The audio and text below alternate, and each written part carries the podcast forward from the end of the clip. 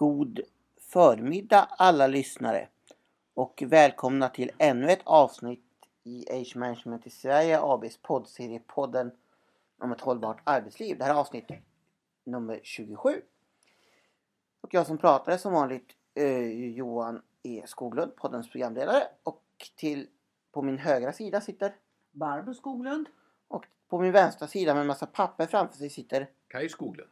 och dessa papper indikerar att det är du som ska börja idag och prata antar jag. Ja, det är det. Vi ska prata om nå- ja vad ska vi prata om? Det kan du väl? Vi ska prata om arbetsmiljölagstift arbetsmiljölagstiftningen och riskbedömningar och handlingsplaner lite grann. Både teori och praktik. Mm. Och det är som du säger Johan, eftersom jag har massa, ja inte massa, men några papper framför mig så handlar det om, om jag börjar med, med teorin eller kartan så får Barbro väl kommentera den verklighet som vi har sett. Ja, och Ja. arbetar i, Ja, ja, inte dagligdags men nästan. nästan. Ja. Mm. ja, det här med riskbedömningar i arbetslivet är ju ingen ny företeelse. Det här är ju reglerat i den så kallade föreskriften om SAMMEN, om det systematiska arbetsmiljöarbetet, som ju faktiskt kom, är från mars eh, 2001, så den är inne på vad blir det, sitt 17 år nu Ja. ganska snart. Om vi tar det här med riskbedömning, om vi ska vara formella så står det i den åttonde paragrafen att arbetsgivaren ska regelbundet undersöka arbetsförhållandena och bedöma riskerna för att någon kan komma att drabbas av ohälsa eller olycksfall i arbetet. Det där med regelbundet, det kan man också kalla för, för eh, det brukar heta verksamhet under löpande drift. Alltså det som är den dagliga verksamheten. Mm. Sen skiljer man lite grann på, om man går till, till nästa paragraf, eller samma paragraf lite längre ner, så talar man om ändringar i verksamheten. När ändringar i verksamheten ska planeras ska arbetsgivaren bedöma om ändringarna medför risker för ohälsa eller olycksfall som kan, begära åtgärd, som kan behöva åtgärdas. Och det här är en första viktig distinktion. Den löpande dagliga verksamheten som ju rullar på normalt sett. Sen är det ju väldigt olika olika branscher. I vissa, eh, inom vissa verksamheter så är det ju ingen större förändring. Det finns ju andra branscher där det händer saker och ting ständigt och jämt. Men det är den löpande verksamheten. Och det andra är alltså förändring. Och lite grann eh, hur det här fungerar i praktiken. Eh, så, ja, och så är det så att riskbedömningar ska göras skriftligen. Och det här kan då både... Det, en missförstånd är väl då att man alltid ska sitta och göra skriftliga riskbedömningar. Alltså i en löpande verksamhet är ju riskerna oftast rätt väl kända. Men det händer, om det händer olyckor, om man upptäcker att det finns risker som man inte har tänkt på, då gör man ju riskbedömning och då görs den skriftligen. Och ansvaret för riskbedömningar, det ligger på arbetsgivaren, på, på cheferna. Och det här är, förutsätter vi är tydligt reglerat i den fördelning av arbetsuppgifter som man har och som vi tidigare pratat om. Har man inte gjort det, då har man ett, problem redan där. Eh, Det finns inte i lagstiftningen närmare reglerat hur ofta man ska göra riskbedömningar eller hur de ska utföras utan eh, det handlar helt enkelt om vad är det för karaktär på verksamheten. Eh, och eh, då kommer vi in på skyddsombudets roll. Därför att det är så att om man, gör, om man bedömer att det föreligger en risk som är eh, eh, allvarlig eller behöver inte vara så allvarlig. Det finns en viss risk Det för ohälsa. bara en vanlig omorganisation av, av, Det dagliga arbetet kan man säga. ja, alltså av, av väsentlig betydelse. Ja. Ja. Eh, Men man kan säga att i den löpande, det är ju en del av det dagliga arbetet som sker för att man gör en riskbedömning om det är påkallat. Sen eh, om man då finner att det finns risker som man behöver åtgärda då, eh, då ska man göra en skriftlig handlingsplan. Och den skriftliga handlingsplanen, där är det viktigt att där ska skyddsombudet medverka. Eh, skyddsombudet kan men behöver inte ha varit inne i riskbedömningsprocessen. Det beror ju på omständigheterna. Är det en större förändring, en större organisationsförändring eller stora förändringar i övrigt så skulle jag betrakta som självklart att skyddsombudet medverkar liksom de anställda i den utsträckning det är möjligt och behövs. Eh, Men när, det gäller upprättande av handlingsplan, oavsett om det är en stor eller liten risk, så i handlingsplanen skall skyddsombudet medverka. Det står i arbetsmiljölagen. Däremot är det viktigt, det här är ju sällan som, som det här ger upphov till ska säga, oenighet, men det är viktigt att tydliggöra att det är arbetsgivaren som, som ytterst ansvarar för både riskbedömning och för handlingsplaner. Mm. Ibland händer det att man kan ha olika bedömningar. Skyddsombudet tycker att handlingsplanen är, är för tunn eller det krävs mer åtgärder och då är det arbetsgivaren som, som eh, ändå ytterst bestämmer så här ska handlingsplanen se ut. Ja, men vad- om man nu är oense, hur, hur, hur, hur gör man då? Stannar handlingsplanarbetet Nej, upp? Eller, Nej, så gör eller, det inte. eller hur, hur, hur, be- hur beter man sig Nej, då? det betyder Blir det ingen organisationsförändring eller? Jo, alltså eh, för det första kan man säga att om man inte är överens med skyddsombudet, om man, det första är naturligtvis att man försöker enas. Men annars är det arbetsgivaren som bestämmer. Det skyddsombudet kan göra, det finns en skyddsbestämmelse som säger att då kan skyddsombudet vända sig till Arbetsmiljöverket eh, med en så kallad 6XA-anmälan och säga att vi, jag tycker som skyddsombud att den här arbetsgivaren har gjort en för svag eller för dålig handlingsplan. Och då kan, man, då kan, då kan Arbetsmiljöverket, Det är om vad man jag bedömer brukar det, kalla för check and balance. Absolut. Det betyder att, att även om en arbetsgivarrepresentant och i det här fallet också en facklig representant i form av skyddsombud eh, inte kommer överens så finns det, då finns det alltså, då är facket inte någon lame duck. Utan facket har då en möjlighet att eh, göra en 6XA. Ja, Men- det är skyddsombudet som gör 6 Ja, det är skyddsombudet. Ja. Men i alla fall, det är alltså Mm. den fackliga företrädaren i den här formen av ett skyddsombud som Mm. gör en 6XA. Ja, men eh, skickar man direkt det där till Arbetsmiljöverket och dunkar in en 6XA eller, eller Det bestämmer ju, det är ju helt och hållet upp till skyddsombudet. ja.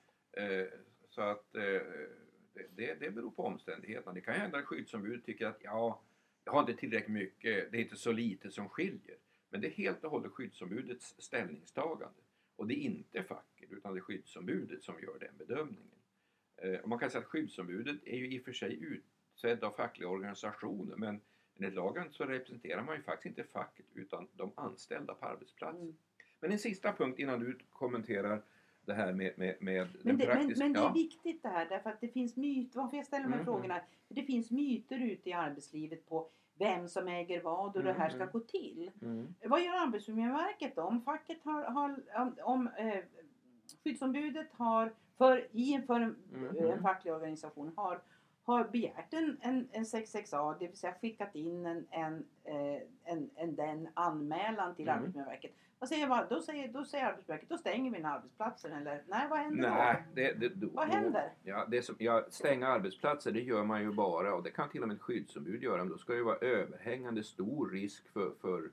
Liv och hälsa. Liv och Det är det som hälsa. kallas för skyddsstopp va? Det är exakt så och det Mm. brukar, när det, för det mesta så är det så att Arbetsmiljöverket ganska snabbt samma dag upphäver skyddsstoppet. Mm. Eh, och det är också en annan annars en, en befogenhet som, ar- så, som skyddsombud har. Nej, då går det ju in i den eh, byråkratiska kvarnen. Alltså Arbetsmiljöverket Mm. kan då förmodligen gör man en inspektion om man Mm. tycker det verkar allvarligt. Och då är, det en, då är det en process, det kan komma ett föreläggande. Det kan komma ett föreläggande först och sen om man inte är nöjd med det svar man får kan det komma ett föreläggande med hot om vite. Det kan till och med komma vite. Men- Men, men, men- det här det innebär inte att den här handlingsplanen är ogiltig under tiden utan den gäller naturligtvis den som arbetsgivaren har fastställt. Så det går inte att stoppa arbetet med stöd av, av det här. Det är alltså ingen vetorätt för, för Nej. skyddsombudet. Och det här, det här är en viktig Mm. faktor. Därför att vi, vi ibland har, har upplevt, apropå då Mm. mina kommentar, det är det att det finns en, en eh, vad ska jag säga, eh, rädsla kanske att ta i, men, men någon slags, det är obehagligt att få en 6XA och det Mm. kanske det är. Men det är också så här att man måste vara medveten om att eh, lagstiftningen, det är ju inte bara arbetsmiljölagstiftning, men arbetsmiljö, vi tar det ju, det är den vi jobbar med nu Mm, och mm. pratar om. Alltså lagstiftaren eh, eh, vill att det ska vara ett check and balance. Ja, Det ska inte, även om arbetsgivarsidan äger eh, rätten att leda och fördela arbetet, och så vidare, det vi var Mm. inne på tidigare, så finns det alltså en check and balance. Man kan inte leda och fördela hur som helst. Utan det, det är den här, eh, vad ska jag säga, check and balance eh, funktionen. Och det här innebär att både arbetsgivarrepresentanter och skyddsombud har ett ansvar att bete sig anständigt oavsett vilken roll man har. Mhm. Eh, för att det, det är ehm, det är en viktig del i så att det här check and balance systemet respekteras och får det värde det är tänkt Ja. att ha. Och normalt sett så, så fungerar det här mer eller mindre väl. Alltså Mm. det, man jobbar tillsammans, arbetsgivare, skyddsombud och eh, anställda medarbetare. Men jag vill, du var inne på en sak till innan du sen tar över kring våra erfarenheter och det handlar om det här med kan man stoppa en Mm. förändring Mm. med stöd av det här. Det, har, det är ganska ovanligt, det var vanligare förr eftersom arbetsgivare då gjorde väldigt slarviga, eller man gjorde ingen riskbedömning inför en större omorganisation och så gick eh, skyddsombudet till Arbetsmiljöverket som gör en inspektion och kunde då konstatera ni har inte gjort någon riskbedömning. Vi, vi förelägger er att ni får inte genomföra den här Mm. åtgärden. Mm. Men det tror jag de flesta har lärt sig nu. Eh, Däremot är väl problemet att göra riskbedömningar som är kvalitativt hållbara. Och då kommer vi in på det som du var inne på, att man försöker Hur gör man en sån då? Ja, det, ska, det, det finns, det kan man säga, det formella är, det finns inte på något sätt reglerat hur man Det ska finns göra. det någon mall man kan ladda ner från Arbetsmiljöverkets hemsida så gör det det finns mallar från alla, det finns företag som, så det finns alla, alla tänkbara sätt att göra det här på. Mm. Det finns, det är inte det finns reglerat. alla tänkbara mallar Ja, som finns ute inom, inom arbetsmiljövärlden på hur Mm. det här ska gå ja, till. ja. Mhm. Och det för oss in på den praktiska Mm, tillämpningen. Man kan säga så här att, att en, en em, eh, Alltså arbetsmiljölagstiftningen, om, om, om vi går tillbaka lite historiskt så är det så att det han, har handlat till eh, i början på eh, 2000-talet om den fysiska arbetsmiljön. Mm, mm.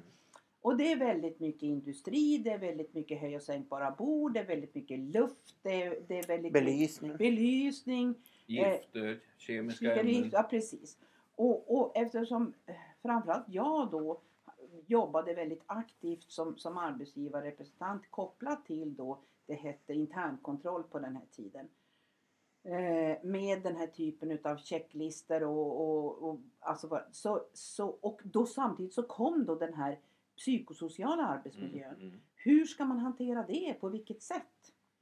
Eh, Och när det gäller organisationsförändringar så är ju den som står i fokus. Alltså vad är det, hur påverkar det här människor att vi gör den här typen av organisationsförändring? Och hur ska man mäta riskerna då? Mm, mm. I den här fysiska arbetsmiljön, om vi kallar den, den för, ja, som, som samlingsnamn, så är det väldigt lätt. Det är mäta en hel del saker och ting. Ja, man har rätt mycket gränsvärden Ja, och så vidare. Och då, och då finns det alltså väldigt många mallar är liggande, jag på säga, Scheman. scheman kan man säga. Där man talar om vilken risk man har, och om den är stor och så, sen så, så sätter man den i olika färger. Röd, red alert, eh, grön, eh, det är ingen risk och gul lite mitt emellan. Och sen finns det en kolumn till där det ofta står vem som ska ha ansvar och i, i bästa fall så är det en tidsplan. I nio fall, nej inte riktigt, men alltså väldigt ofta när man går in och tittar på det här så är det ingen tidsplan för det här. Man har inte heller skrivit dit vem som är ansvarig för att göra det. Utan man har bara listat sig den vänstra delen här. Dessutom så kan man konstatera att det här att när man jobbar med en organisationsförändring, det vill säga att man ska slå ihop saker och ting eller man ska ha en annan typ av ledning och styrningsorganisation och så vidare. Så den här typen utav, utav flödesschema eller schema passar inte så himla bra. Därför att det är för lite utrymme att skriva. Eh, du behöver alltså berätta varför, bakgrunden, varför du, du, du gör det här som arbetsgivare. Du måste också berätta vi, vilka åtgärder du tänker dig om det är så att det inte går åt sko- om det är så att det inte lyckas det du har tänkt dig. Eh, och då kommer jag in på nästa faktor. Eh, vår erfarenhet är att, att mm, ja, jag har inga procentsatser men vi har ju gjort några stycken sådana här, nu över 50 vid det här laget. Eh, där man går in och tittar på den här typen utav dels förändringsprocesser och, och det finns någon slags, vad ska jag säga, eh, informell eh, behov, ett eh, informellt eh, sanning kan man säga. Att om vi talar om att det här att det finns en risk i en organisation så kan man inte genomföra den. Eh, utan då försöker man att frisera det där så att det är liten eller minimal risk. Eh, och, och det här kan uppstå konflikter på en arbetsplats eller i en organisation om arbetsgivarsidan driver för hårt att det här är ingen fara. Det smällar man får ta ungefär, eller det, det här ordnar sig nog i alla fall. Därför att eh, det, har, det byggdes upp en myt, och som fortfarande lever vidare, att om det finns en hög risk så kan man inte genomföra den. Eh, Det handlar om att handlingsplanen ska så att säga minimera risken och arbetsgivaren måste fundera ut tillsammans med skyddsombud vad är det vi ska göra ifall att den här risken eh, slår in. Och, där Och, är- därför, mm, och det är ja. därför den här flödesschemat eh, det är inte att mäta och ändra en ventilation utan det här är helt andra åtgärder i den handlingsplanen som behövs. Jag återkommer till det. Du hade en Jo. kommentar. Jo, eh, alltså det är ju naturligt om man gör en riskbedömning och det här, de medarbetare som berörs, det är ju viktigt att de får redovisa sin tro eller sin oro. Det kan ju arbetsgivaren tycka att ja, men det här är helt överdrivet och så här kommer det inte att bli. Men eh, arbetsgivaren gör sin riskbedömning men det vore ett misstag och det är det som man ofta begår. Att då försöker man plocka bort de här som har, och man kan tycka att det här är ju helt uppåt väggarna och överdrivet felaktigt. Men det är bättre att redovisa det i riskbedömning och sen säga att vi gör en annan eh, bedömning. Sen, En, en, sån här, en sån här faktor som vi ofta, eller en situation som vi faktiskt stöter på nu och då. Och det är när man gör en organisationsförändring så måste man ju ibland byta rum. Mm. Och det där är någonting som eh, är en vattendelare kan man säga. Eh, Om en arbetsgivarrepresentant har åsikten att det där är väl ingenting. eh, Så förstår man inte om medarbetare, några eller alla eller delar utav medarbetarkåren tycker att det här är, det här är väldigt jobbigt. Därför att mitt rum är min borg. eh, Och då menar jag, jag raljerar inte när jag säger det Nej, här. men då ska vi... och det gör så att säga att du, du ignorerar Då har vi ändå hört, till- hört reportagen om de så kallade flexkontoren. Där har man inte ens något rum. Nej, men det, och det är av den Det kan, ju också, då det kan ju också vara så att man inte ska byta rum utan förändringen blir att vi har inga rum längre. Ja, men just nu, då- det, det, vi, det vi har stött på i det här fallet så är det så att man byter rum, man ska byta rum. Mm. Och där är det så här att då, det, det, för, som förvånar oss faktiskt är att eh, det här att byta rum har alltid varit eh, för förhållandevis många medarbetare på arbetsplatsen rätt kontroversiellt eller Ja, jobbigt. ja. Och då är det fascinerande att man fortfarande inte har en framförhållning i det här sättet att hantera. glada och nöjda. Men får, vi, får jag komma med en annan kommentar om det här med riskbedömningar så jag inte glömmer Mm. det. Mm. Alltså det, eh, det är viktigt att betona att det går inte att eliminera alla risker i arbetslivet. Och det här, eh, det finns, eh, för det första finns det i arbetsmiljöpropositionen för många herrans år sedan så skriver man just, och framförallt om offentlig sektor, att där har man så pass stora och omfattande verksamhet, det går inte att eliminera risker fullt ut. Till exempel på en akutmottagning. Och där finns det ett intressant fall, det har några år på nacken nu, när Arbetsmiljöverket förelade eh, akutmottagningen på universitetssjukhuset i Lund att vidta väldigt långtgående åtgärder. Mm. Och, och där man gick faktiskt till förvaltningsrätten som, som gav Arbetsmiljöverket spö och sa det går inte att ställa så här långtgående åtgärder. Och det här finns faktiskt stöd för det här i den här samlingen. I en kommentar så skriver man, det är alltså inte själva föreskriften utan det här ligger i det som är råd brukar man säga. Heter det så här, om en risk inte helt kan undvikas åligger det chef, arbetsledare att tillse att arbetstagarna skyddas på annat sätt. Till exempel genom förändrat arbetssätt, instruktioner, stöd och handledning. Så som sagt var, man får inte eh, begå misstaget och tro att riskbedömningar riskbedömning och handlingsplaner innebär att man måste kunna eliminera alla risker. Det går inte. Nej. Och, och det här är, det här är en, en, en, eh, en faktor som, som, eh, ja, det är viktigt att man som arbetsgivare förstår det här. Att det, men, men, men det finns som sagt en rädsla. Sen finns det en, en överkurs för det här med riskbedömningar. Mm. Och den, den är då, apropå det här att eh, det står ungefär kontinuerligt eller, eller alltså löpande. Regelbundet, regelbundet står det. Och det är så här att det är inte sällan som vi föreslår att en arbetsgivarrepresentant gör en individuell riskbedömning Mm. för, meda, för medarbetaren. Det gäller också för chefer. Och då är vi, till, då är vi på den nya organisatoriska och sociala arbetsmiljö. Eh, därför att det är faktiskt så att det här ofta på grupp, det här på gruppnivå att, Mm. och då ska man bedöma hur många på en arbetsplats är si och så, de här öppna stora. Men ska man verkligen göra jobbet enligt arbetsmiljölagstiftningen så är det väl vår absoluta uppfattning att det är alldeles för få individuella riskbedömningar med förslag till handlingsplaner. Som mycket väl kan användas i samband med, med medarbetarsamtal eller om det uppstår en situation på en arbetsplats där det, där är en konflikt till exempel. Ja, avslutningsvis, det står ju ingenting om det i föreskrifterna men Nej, vi har faktiskt sett några exempel på där Arbetsmiljöverket har förelagt arbetsgivare att göra individuella riskbedömningar. Mm. Nu är, jag, nu är jag färdig med mina papper Ja. och allt annat här. Ja, absolut. Då har vi nya. Bra, bra. Då ska vi titta på podden nummer 28 ska handla om. Mm, Och den handlar om mm. att jag sitter här med ett papper från den 17 januari. Där det står att avfallsförsäkring har gett en forskare cirka 3,5 miljoner kronor. Och rubriken är Ny forskning om åldersmässigt ledarskap. Och eftersom jag sitter här med de två personerna som har myntat begreppet och de också faktiskt tidigare haft kontakt med den forskaren så tänkte jag att det kunde vara intressant att få höra deras reflektioner kring den forskning som ska genomföras. Det vi vet med hänvisning till artikeln. Så att det ska vi prata om i nästa podd. Det ser vi framåt. Det ser vi jättefram emot. ja. Och då säger vi tack för dagens podd och vi som tackar är som vanligt Johan. Barbro? Okej. Tack och hej!